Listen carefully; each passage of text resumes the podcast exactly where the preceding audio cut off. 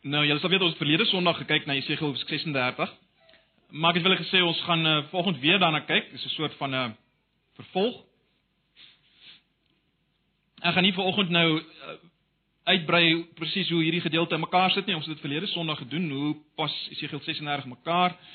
Uh as jy dit nou nie was nie, moet jy miskien maar die die CD kry of uh miskien sal jy dit in jou selgroep uh, behandel. Ehm um, so ons gaan nie dit weer doen nie. Maar ons gaan wel weer kyk uh, na Jesegiel 36 spesifiek twee verse wat ek uh, in besonder wil uitlig vanoggend. En ons gaan natuurlik aansluit by by verlede Sondag. So maak maar net asseblief oop by Jesegiel 36. Ons gaan weer nie die hele hoofstuk lees nie. Ons gaan wel gedeeltes uh, na kyk en sekere verse uitlig. Maar kom ons word net nou vir 'n oomblik stil voor die Here en ons vra dat hy met ons uh, sal praat deur sy woord en deur sy gees. Ag Here, ja, ons kom na U toe. Ons nou U lof besing.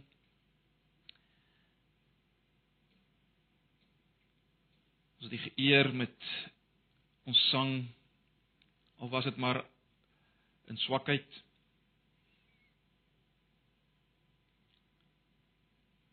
Here, ons is so bewus as ons dit doen dat dit is maar eintlik waarvoor ons gemaak is om maar net U lof te besing, U wonders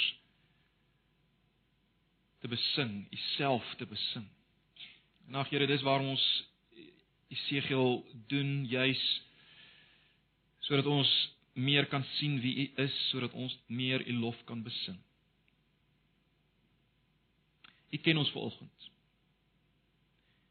Elkeen van ons, U weet waar ons staan. Ken ons sonde.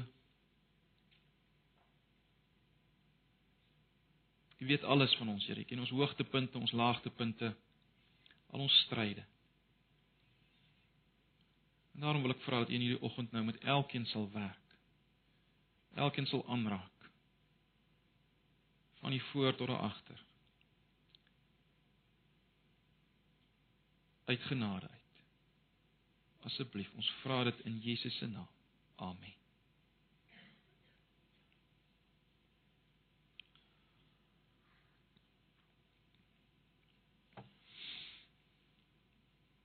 Nou, ons het verlede Sondag sal jy onthou gesien en vir mekaar gesê dat alles rondom ons is onderworpe aan die sogenaamde tweede wet van termodinamika. Met ander woorde, alles neig om vanaf 'n hoë energietoestand na 'n lae energietoestand te beweeg. Alles rondom ons. Alles beweeg as jy wil van orde na wanorde of of orde neig altyd om wanorde te raak. En dis ook die geval wat my en jou betref. Dis ook die geval wat ons geestelike lewens en ons verhouding met God betref. Das das gedurig hierdie neiging om weg te beweeg. Ons neig altyd om weg te beweeg, is dit nie? Ons neig om afgestomp te raak, om om koud te raak, om dood te raak wat ons verhouding met die Here betref. En dis die situasie van die kerk oor die algemeen. Daar's altyd hierdie hierdie neiging. En natuurlik was dit ook die geval in in die Bybel, dit was nie ook die geval met die volk Israel. Ons het dit baie duidelik uh, raak gesien in Esegiel in ons studies van Esegiel is dit baie duidelik, was dit baie duidelik. Daar's net een wese broers en susters, daar's net een wese op wie hierdie wet nie van toepassing is nie en dit is God. Dis God self. God is altyd die God wat skep en vernuwe en herstel. En, en dis wat ons ook sien in Jesegiel 36. In Jesegiel 36 word God uitgebeeld as bouer en planter wat weer 'n Eden situasie daar wil stel. Ons sien dit in vers 33 tot 36. Kom ons lees dit net weer. Kyk gou na vers 33 tot 36. Net so terloops, uh, julle sal sien daar's nou nie vanoggend 'n 'n preekraamwerk nie, jammer daarvoor, so julle moet maar bybly maar dit behoort nie te moeilik te wees nie. Vers 33 tot 36. So sê die Here my God, die dag as ek julle van julle sonde reinig, sal ek sorg dat julle stede weer bewoon word en sal julle pynhope herbou word. Die kaalgestroopte land sal bewerk word in plaas daarvan dat dit kaal lê voor die oë van almal wat daar verbygaan. Vers 35. Hulle sal sê: "Die land was verlate en nou is hy soos die tuin van Eden. Moet dit nie mis nie. Die stede het in pyn gelê. Hulle was verlaat en verwoes en nou is hulle vestingstede met inwoners. Vers 36: Die nasies wat nog rondom julle ore sal besef dat dit ek, die Here is, wat die verwoeste stede herbou. Daar's die bouer. En die kaalgestroopte land weer beplant. Daar's die planter, die boer. Ek, die Here sê dit en ek sal dit doen. En dan sal julle onthou in vers 22 tot 23 maak die Here dit baie duidelik dat hy dit gaan doen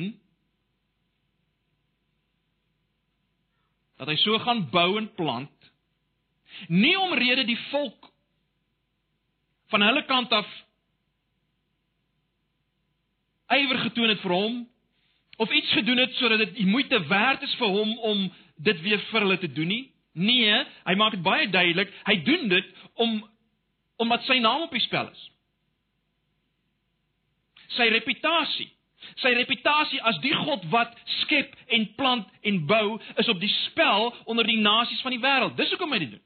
Dis hoekom hy dit doen. Met ander woorde, hy gaan dit doen, dit wat hy hier beloof het. Vers 33 tot 36. Hy gaan dit doen sodat almal kan sien, die hele wêreld kan sien dat hy nie 'n verwoester is nie, en 'n vernietiger is van sy mense nie, nee, dat hy ten diepste 'n hersteller is en 'n skepper is. Dis hoekom hy dit gaan doen. Kyk maar self na vers 22 tot 23. Daarom sê vir die huis van Israel, so spreek die Here, Here, ek doen dit nie om julle ontwil nie, o huis van Israel, maar ter wille van my heilige naam wat julle ontheilig het onder die nasies waar julle gekom het. Vers 23 en ek sal my groot naam heilig wat onder die nasies ontheilig is wat julle onder hulle ontheilig het en die nasie sal weet dat ek die Here is, spreek die Here Here, as ek my in julle oë of as ek my in julle voor hulle oë as die heilige laat ken.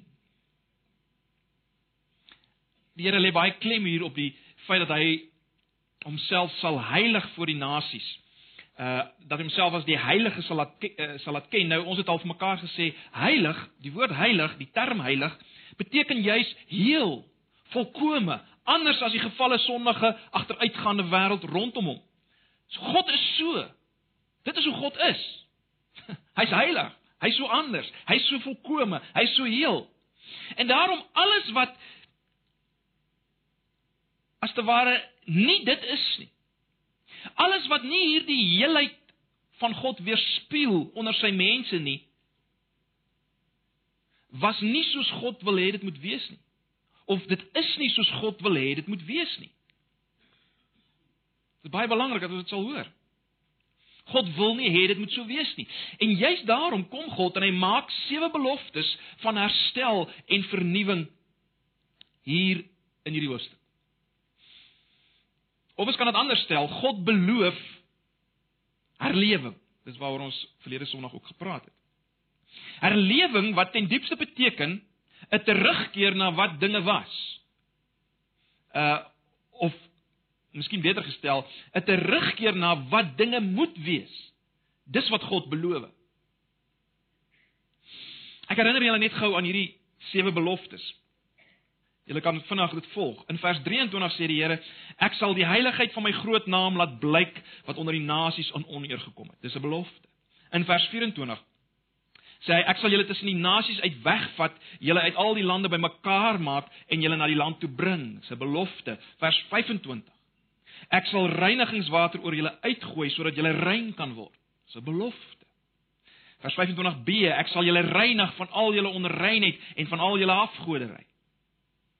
Vers 26 Ek sal julle 'n nuwe hart en 'n nuwe gees gee. Ek sal die kliphart uit julle liggaam uithaal en julle 'n hart van vleis gee vers 27 ek sal my gees in julle gee en ek sal maak dat julle volgens my voorskrifte leef en my bepalinge gehoorsaam en nakom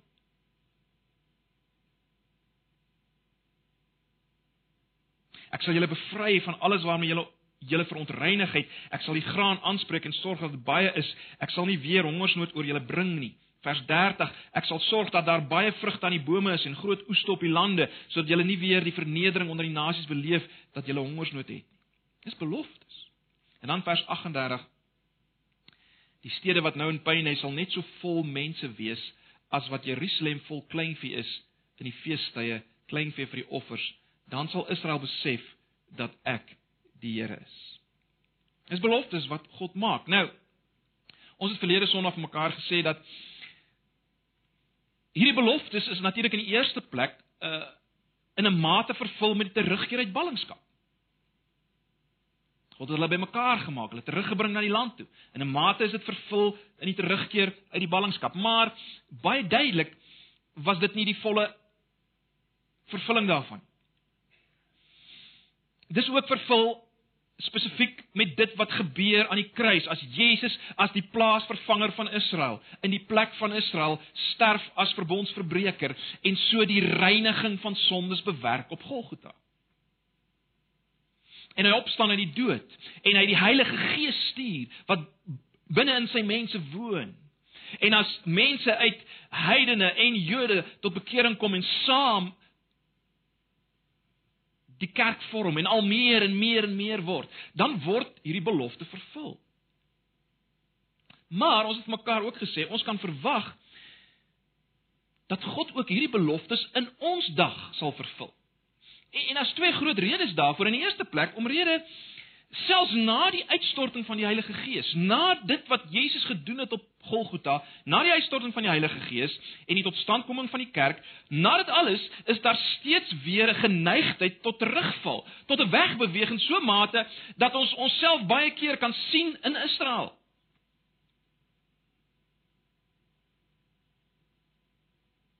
As ons kyk na hulle absolute geestelike hoereerdery, sien ons dikwels onsself in die kerk van die Here daarin. En daarom kan ons verwag dat dat God weer iets sal en kan en wil doen. Maar daar's nog 'n rede, miskien meer belangrik. Ons het mekaar gesê dat profeseë en beloftes in die in die Bybel is baie meer as blote voorspellings. Profeseë beloftes in die Bybel word herhaaldelik vervul. En ek gaan nie vanoggend nou weer al die voorbeelde noem nie, weer eens julle moet maar die CD kry. Uh ek gaan nie nou daarop uitbrei, maar dit is baie belangrik om dit te verstaan. Profeseë en beloftes word herhaaldelik vervul. Dis dis een ding wat belangrik is om te verstaan. En dan natuurlik word profeseë en beloftes nie altyd vervul soos ons sou kon aflei uit die aanvanklike belofte nie. Dit lyk soms heeltemal anders. Ek het julle verwys na die profesie van Joël wat op Pinksterdag vervul is. As jy kyk na wat op Pinksterdag gebeur het, Petrus sê dit dis die belofte aan Joël wat nou vervul word en en en dit lyk nie heeltemal so nie. So vervulling vind plaas, maar dit lyk nie altyd dieselfde nie. So daar's herhaaldelike vervulling. En dit lyk nie presies soos ons dit sou verwag nie. Maar baie belangrik, in die lig daarvan broers en susters, kan ons verwag dat God weer en weer gaan doen wat dit wat hy hier beloof het op 'n sekere manier. En ons kan verwag hy gaan dit doen in ons tyd. Maar goed, dit is alles wat ons mekaar verlede keer gesê het.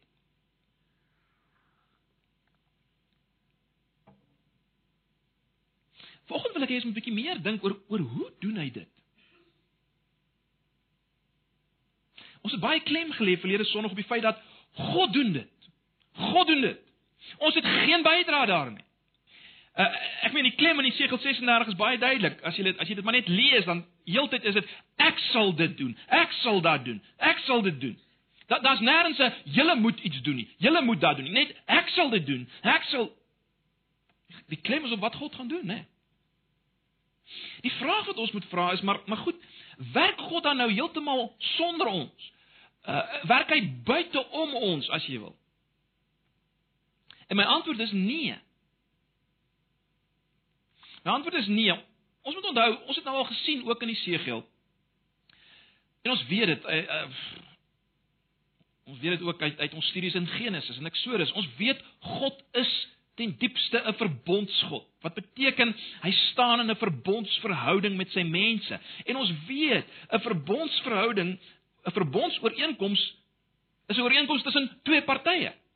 Ja, dit is eensaidig van God se kant af geïnisieer, verseker begin van sy kant af, maar in die uitlewing van hierdie verbondsverhouding is dit tweeledig. Daar's twee kante. Om dit eenvoudig te stel, God hanteer ons en hanteer sy mense binne hierdie verbondsverhouding. Hy hanteer hulle nie as blote stokke en blokke of poppe nie. Hy hanteer hulle nie so nie. Dis baie duidelik. So wat ek wil hê ons moet vanoggend raak sien, ons moet raak sien hoe God sy mense inskakel. As ek dit so kan stel. Hoe hy hulle inskakel by hierdie herlewing wat hy bring. Maar wat ons moet raak sien is dis steeds 'n werk van God. Dis steeds 'n werk van God. Dis nie 'n werk van ons nie. Mens kan dit 'n bietjie anders stel en jy kan sê ons gaan kyk na wat is die gereedskap as jy wil wat God gebruik in hierdie herlewing. Wat is die gereedskap wat God gebruik?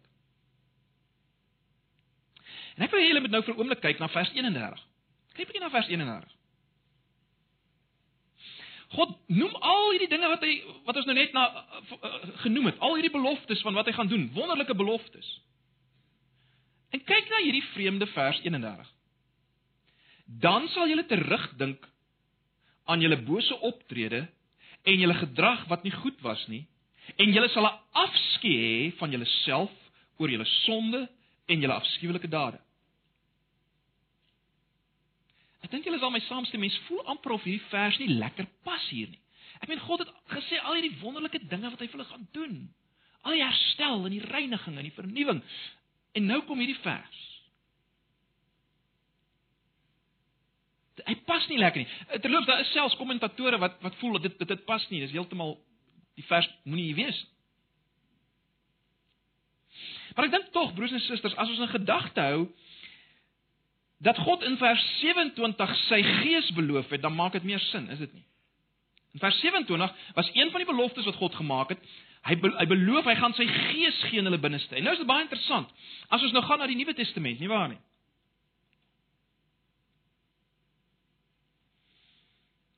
En ons dink aan wat Jesus sê in Johannes 16. In Johannes 16 vers 7 en 8. In Johannes 16 vers 7 en 8 sê Jesus: "Maar ek sê vir julle die waarheid, dis vir julle voordelig dat ek weggaan, want as ek nie weggaan nie, sal die Trooster, dis nou die Heilige Gees, nie na julle kom nie, maar as ek weggaan, sal ek hom sal ek hom na julle stuur. En as hy kom, sal hy die wêreld oortuig van sonde en van geregtigheid en van oordeel." Nou natuurlik die konteks in Johannes verskil 'n bietjie.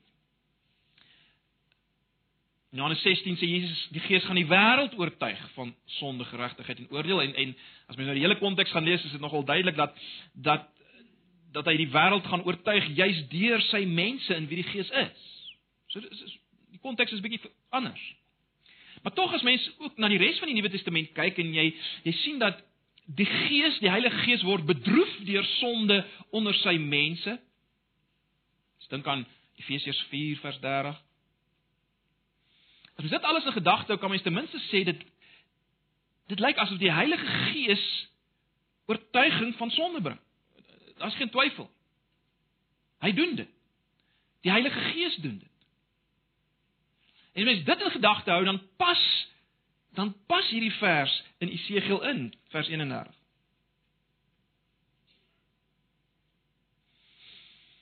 Baie belangrik, ons moet onthou wie is die Gees? Wie is die Heilige Gees waarvan hy praat? Wie is die Heilige Gees waarvan Esegiel gepraat het? Wel is God die Gees, né? Nee, dis die as jy wil die derde persoon van die goddelike drie-eenheid. Met ander woorde, dit is God die Gees wat dit doen. Dis God die Gees wat dit doen. So broers en susters, ek dink 'n mens kan sê dat deel van God se gereedskap in hierdie herstelwerk, in hierdie herlewing, is om mense bewus te maak van hulle sonde, om mense bewus te maak van hulle verbondsverbreeking, die vuilheid, die walglikheid van hulle afgodery, wat eintlik niks anders is, daai hele hoofstuk 16, geestelike hoerery nie. God gebruik dit in herlewingstyd.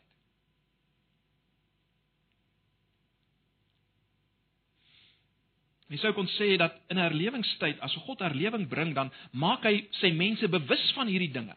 Hy druk sy vinger as by wyse van spreek op hierdie dinge en sê: "Dis hoe jy lyk. Dis hoe jy lyk."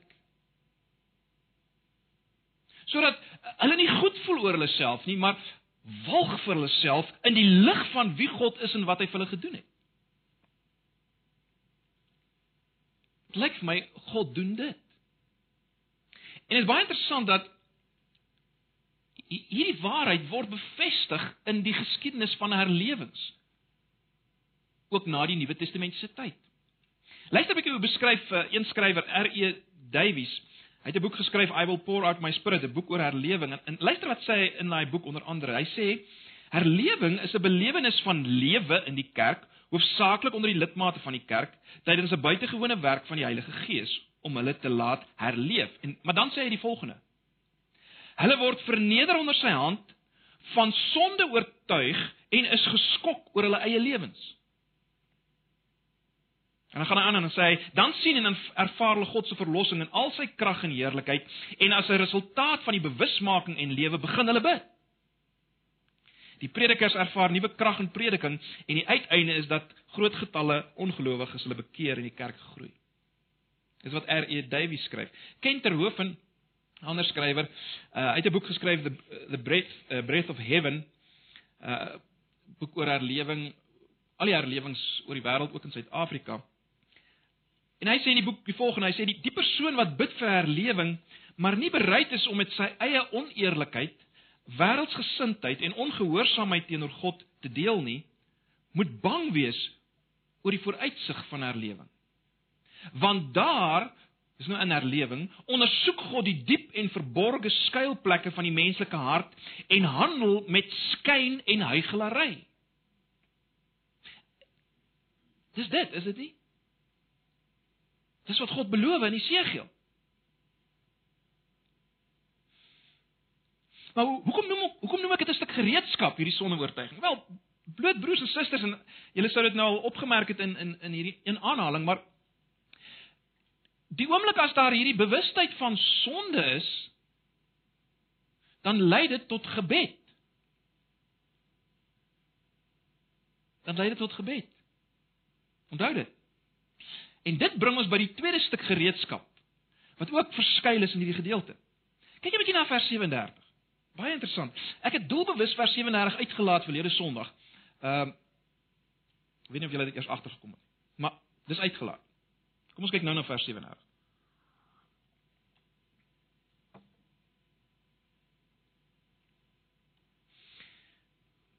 God het al maak al hierdie beloftes. Kom ons lees maar vanaf vers 36. Dan sal die nasies weet wat rondom julle oorgebly het dat ek die Here opgebou het wat afgebreek was, beplant het wat verwoes was. Ek die Here het dit gespreek en sal dit doen. En dan vers 37. Is dit nie fascinerend nie? So sê die Here, Here, ook dit sal ek my laat vra deur die huis van Israel om dit vir hulle te doen. Ek sal hulle mense vermenigvuldig soos skape.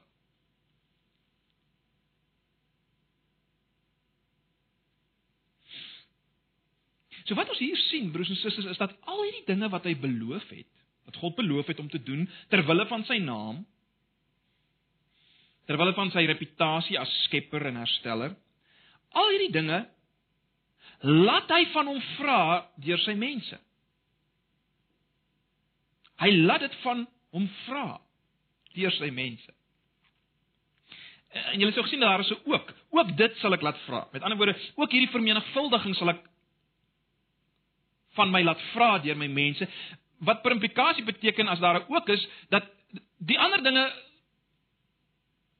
ook want as die vermenigvuldiging ook iets is wat hy gaan laat vra wel dan impliseer dit die ander dinge wat hy beloof het gaan hy ook laat vra van hom deur sy mense Met ander woorde, die reiniging van sonde en van afgode, die terugbring van afgedwaaldes. Ek noem dit so want uh, vir ons die die terugbring uit die ver lande in ons konteks sal dit iets beteken soos die terugbring van afgedwaaldes, né? Nee. So die reiniging van sondes en van afgode, die terugbring van afgedwaaldes, die die die die die gee van 'n nuwe hart, die gees in die binneste, al hierdie dinge al hierdie dinge sal God van hom laat vra deur sy mense. En as ons nou onthou dat hierdie bewusmaking van die waaglikheid van hulle sonde in dieselfde asem genoem word as al hierdie ander dinge, dan dan lyk dit vir my ons kan ook met redelike sekerheid sê dat ook dit laat God van hom vra deur sy mense. Hierdie bewusmaking van sonde.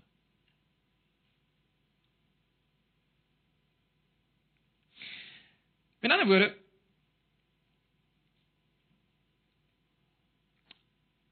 moet so te stel as daar gevra word en en en hierdie vraag sluit in die bewusmaking van sonde wel hierdie bewusmaking van sonde lei weer tot tot nog gebed en en en deur gebed deur die vraag van God of die vraag vir God van hierdie dinge gee God hierdie dinge wat hy beloof het.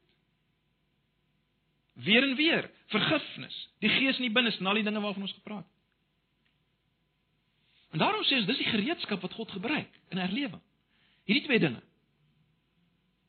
oortuiging van sonde en gebed hy gebruik dit as gereedskap in herlewing Die belangrike ding is broers en susters wat ons moet sien, God werk nie buite om sy mense nie.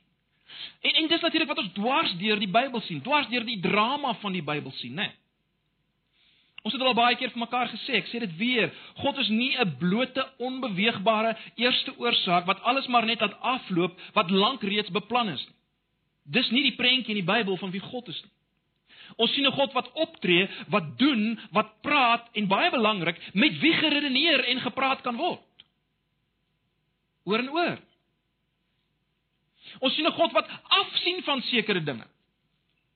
As sy mense met hom praat, as sy mense hom herinner aan sy woord, as sy mense hom herinner aan sy beloftes, dan doen hy sekere dinge nie meer en hy doen ander dinge wel. Ons sien dit dwars deur die Bybel. As sy mense met hom saam praat, as ek dit so kan stel oor dinge, tree hy op. Dink maar weer aan Eksodus en dit wat ons gesien het by Moses en so meer. Miskien sê jy volgens maar, maar is God nie onveranderlik nie? As hy iets besluit het, bly dit nie so nie. Wel, kom ek lees dit weer vir julle Jonah 4 vers 2 in die 53 vertaling. Julle sal weet, julle ken die verhaal van Jona, God gesê hy gaan Ninive verwoes en dan uiteindelik doen hy dit nie. En dan bid Jona tot die Here en hy sê: "Ag Here, het ek dit nie gedink terwyl ek nog in my land was nie? Daarom het ek tevore na Tarsus gevlug, want ek het geweet, luister wat sê hy. Ek het geweet dat U 'n genadige en barmhartige God is, lankmoedig en groot van goedertierenheid en een wat berou het oor die onheil." Terloops, dis presies met hierdie woorde waarmee God hom ook bekend maak aan Moses. Maar het julle dit gehoor? God is onveranderlik so. God is onveranderlik genadig en barmhartig, eh, lankmoedig en groot van goedertierenheid en een wat berou het oor die onheil. Die 83 vertaling sê een wat afsien van die kwaad wat hy uitgespreek. God is onveranderlik so. Dis hoekom 'n plek is vir gebed. Want dis hoe God is, dis sy wese. Ons kan dit anders stel, ons kan sê God is onveranderlik getrou aan sy beloftes. Hy bind homself by wyse van spreuke aan sy beloftes. Hy bind homself daaraan.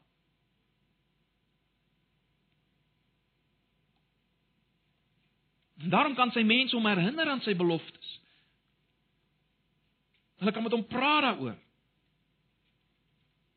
En dis hierdie God, broers en susters, ons het nou baie vir mekaar gesê, dis hierdie God wat uiteindelik die aarde wil vul met sy beelddraers. Dis sy missie. Dis sy wil van Genesis 1 af.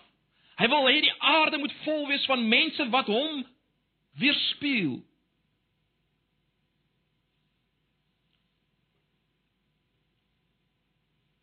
Hy wil hê die wêreld moet sien hoe lyk 'n besigheidsman, hoe lyk hoe sou God lyk as hy 'n besigheidsman sou wees? of 'n dokter of advokaat of wat hy val maar. Hy hy wil hy wil die wêreld vul met sy beelddraers. Maar baie belangrik, hy doen dit dit lyk vir my in die lig van hierdie gedeelte, hy doen dit in antwoord op hulle vrae, op op hulle praat met hom. Hulle vra van hom. Hy doen dit in antwoord daarop. Nou dis natuurlik 'n geheimenis, dis 'n misterie, broers en susters. Gebed is 'n misterie met ander woorde ons ons verstaan dit nie lekker nie. Dit is 'n dit, dit, dit verseker so. Maar wat ons wel hierin moet sien is die geweldige genade hierin, is dit nie? Want dink net vir 'n oomblik daaraan aan die konteks in Jesegiel. Wie is die ouens van wie wie is die ouens wat hierdie dinge van hom sal vra? Vir van wie God of laat ek so sê op wie God gaan reageer as hulle dit van hom vra? Wie is hulle? Volgens Jesegiel 36. Is hulle ouens wat hulle self al bietjie reg geruk het? Wat gebedsreëse is, wat nou al gevorder het op die pad van heiligmaking en nou kan hulle geweldig goed bid en nou hoor hulle God se gebede. Nee, nee, nee. Wie is die ouens in Jesegiel 36 van wie hy op wie se gebede hy gaan antwoord as hulle dit van hom vra? Want as die ouens wat sy naam vertrap het. Dis die mense in Jesegiel. Dis geweldig. Dis genade broers en susters. Dis genade dat God hulle inskakel. Hulle vra, hulle praat inskakel by dit wat hy gaan doen. En is steeds so. Dis genade dat God ons saamvoer in wat hy gaan doen. Hy wil ons saamvoer met ons gebede en hy hy hy luister nie net na die gebede van die ouens wat al geweldig ver gevorder het nie.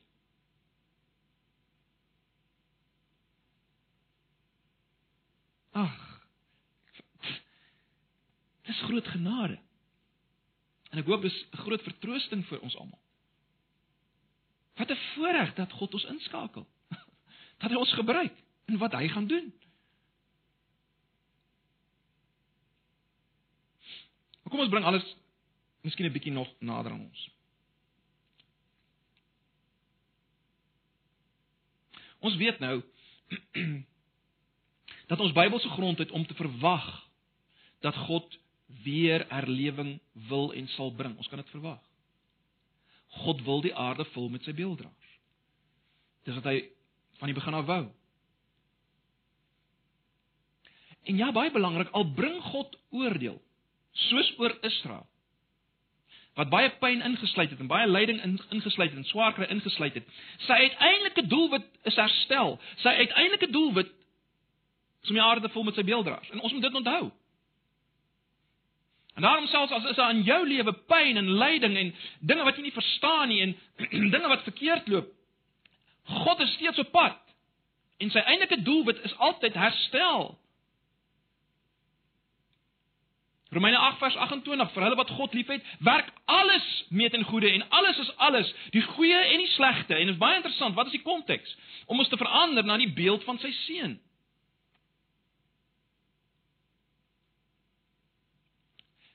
Broers en susters, die die die die geweldige ding en ek het dit al baie gesê, die geweldige ding in die in die Bybel is dat God gebruik self sonde in ons lewens ten goeie. Dit dit beteken nie sonde is goed nie, hoor. Maar self sonde gebruik hy om ons uiteindelik te bring by groter herstel.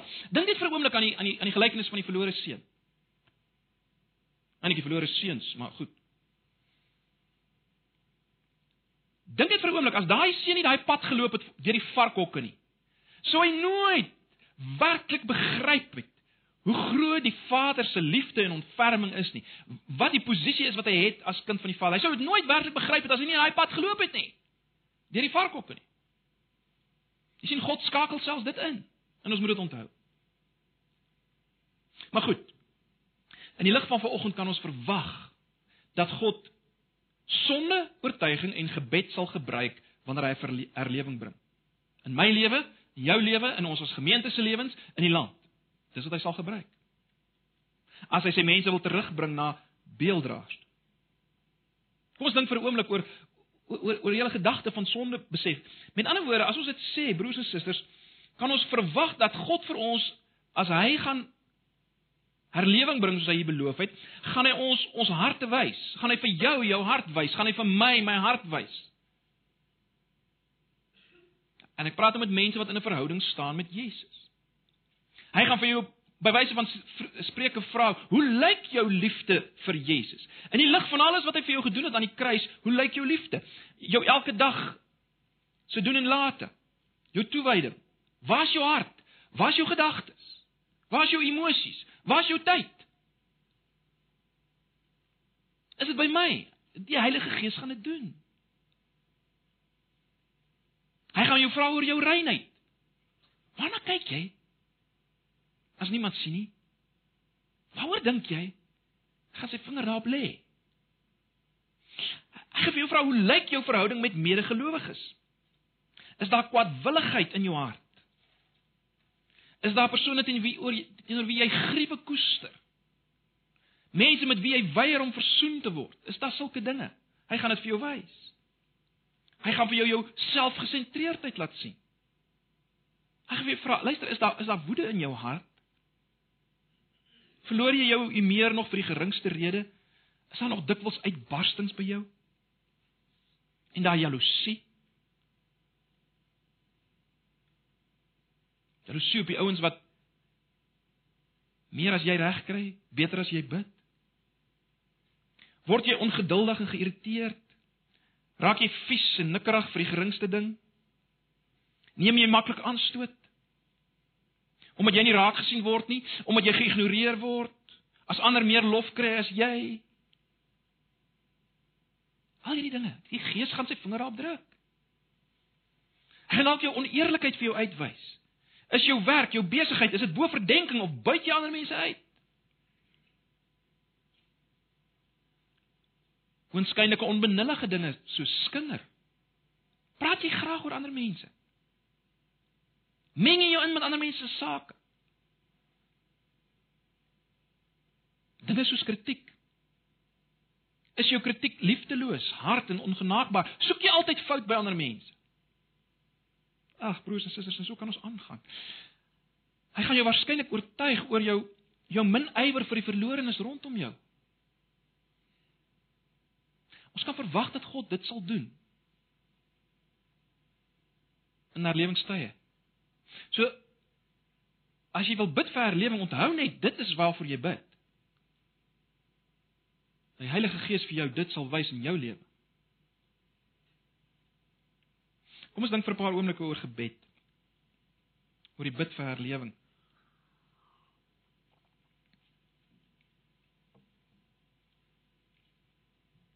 Ons kan verwag dat God gebed gaan gebruik en dit, dit dis sy instrument wat hy gebruik.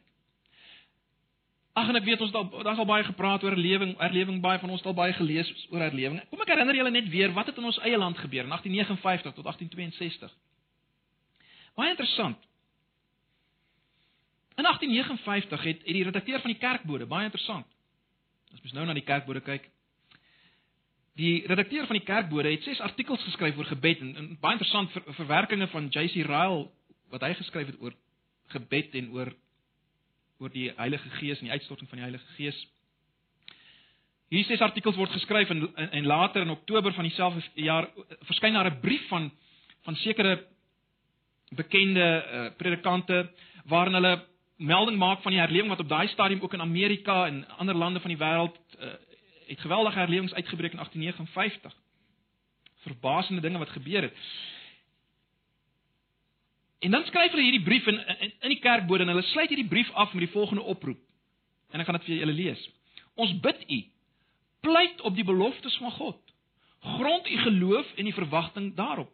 Ons wek u ernstig op om gelowig en vuriglik elke week 1 uur uh saam met ander op in die binnekamer God te bid dat hy ook ons land genadiglik mag mag besoek en ons die seën van die uitstorting van die Heilige Gees mag gee soos dit op die oomblik besig is om uit te stort op ander dele van die aarde. Dis wat geskryf is in die kerkwoorde. En mense het begin bid. Mense het begin bid. Ag, so baie verhale maar uh, Montetjie, op 'n stadium was daar net 3 mense daar in 'n bidhuis gewees. Een keer 'n week 'n bidhuis wat 3 mense bygewoon het. Later is bidure daar daagliks gehou en is is dit soms meer as een keer per dag gehou. Later is is daar besluit op afsonderlike bidure vir mans, vroue, seuns en meisies want dit was te veel. Gebid het. En mense het uitgeroep, wat moet ons doen om gered te word in hierdie bidure? Geweldig. Ag, wil nie vreeslik daarop uitbrei nie, maar broers en susters, dis geweldig wat gebeur het. Beraders moes werk sonder rus dag en nag soos mense onder oortuiging van sekere dinge gekom het. En die Here het erlewing gestuur. Geweldig. En en wat was die kenmerk? Wel onder andere 'n diep oortuiging van sonde. Geharde manne het, het uitgeroep met trane. Geharde manne, mans. Gehuil oor hulle sonde.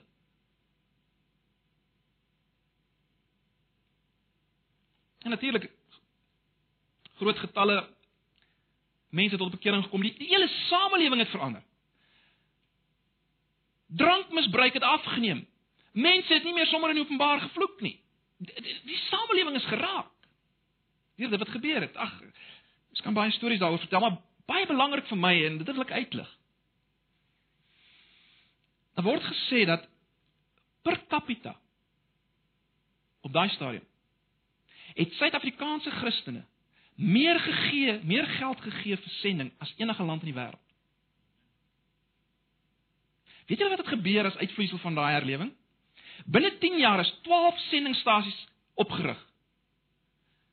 In Botswana, Zimbabwe, Malawi, selfs in die Sudan. En julle kan maar gaan lees oor dit wat gebeur het daar in die Sudan en so. Dis is aangrypend. Maar dis dis wat dit begin het. Jy sien, dis dis God se belofte in Jesegiel. Die vermeerdering, die vermenigvuldiging wat God beloof het. Saam met gebed en sondeoortuiging. Jy sien, dit, dit is wat God gebruik. En hierdie goed is aan mekaar gebind. Sonderbesef en gebed. Ag, broers en susters. Sal ons nie dit van hom vra nie? Sal ons nie dit van hom vra nie? Sal ons nie vir hom vra, Here, werk ook onder ons, bring herstel, bring 'n nuwe sonde besef. Sal ons nie begin bid nie, broers en susters? Onthou, hy wil hê ons moet sy beeldras wees. Hy wil sigbaar voorgestel word by die huis, by die skool, by die werk. En moenie vergeet nie, hy het alles gedoen sodat dit kan gebeur. Hy het tot die uiterste toe gegaan om dit te doen. Ons sien dit aan die kruis. God word mens in Jesus. Hy gaan onder die oordeel in van verbondsverbreeking. Hy wat God is, God die Seun om hierdie vernuwing te bring, om reiniging te bring, weer en weer en weer reiniging te bring. As sy mense dit van hom vra.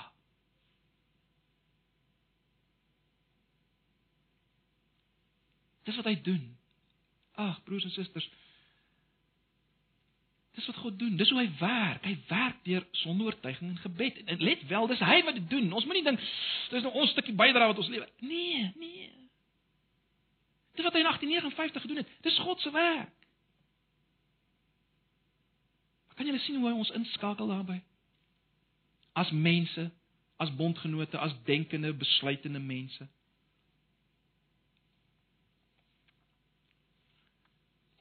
Ag broers en susters,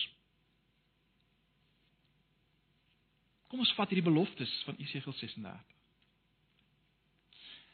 En ek vra dat ons dit nou sal doen. Kom ons kom ons gebruik 'n 'n tyd vir oggend. Kom ons draai na mekaar toe, twee twee of as jy net op jou eie wil bid en kom ons kom ons vra dit van die Here. Ons vra dat hy dit sal doen, dit wat hy hier beloof. Ek gee tyd vir gebed en dan sal ek afsluit.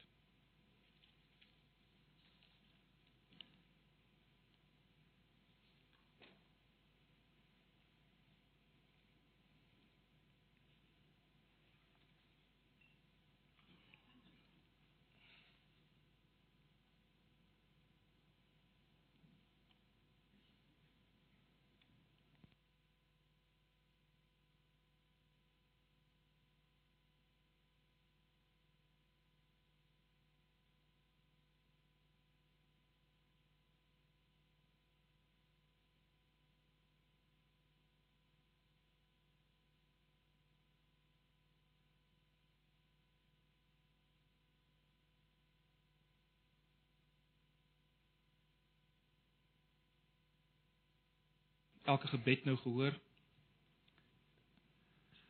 Elke versigtiging van die hart. En ons wil vir U vra, Here, dat U onder ons sonder oortuiging sal bring en dat U 'n gees van gebed sal bring. Dat hierdie beloftes wat u maak, gemaak het dat u dit weer in ons midde hier in Antipas, in ons eie lewens, ons gemeente Pretoria, Suid-Afrika sal waar maak. Ag Here, asseblief, hoor ons gebed. Hoor ons gebed as ons dit vra in Jesus se naam. Mag nou die genade van ons Here Jesus en die liefde van God en die gemeenskap van hierdie Heilige Gees met julle wees in hierdie dag. Amen.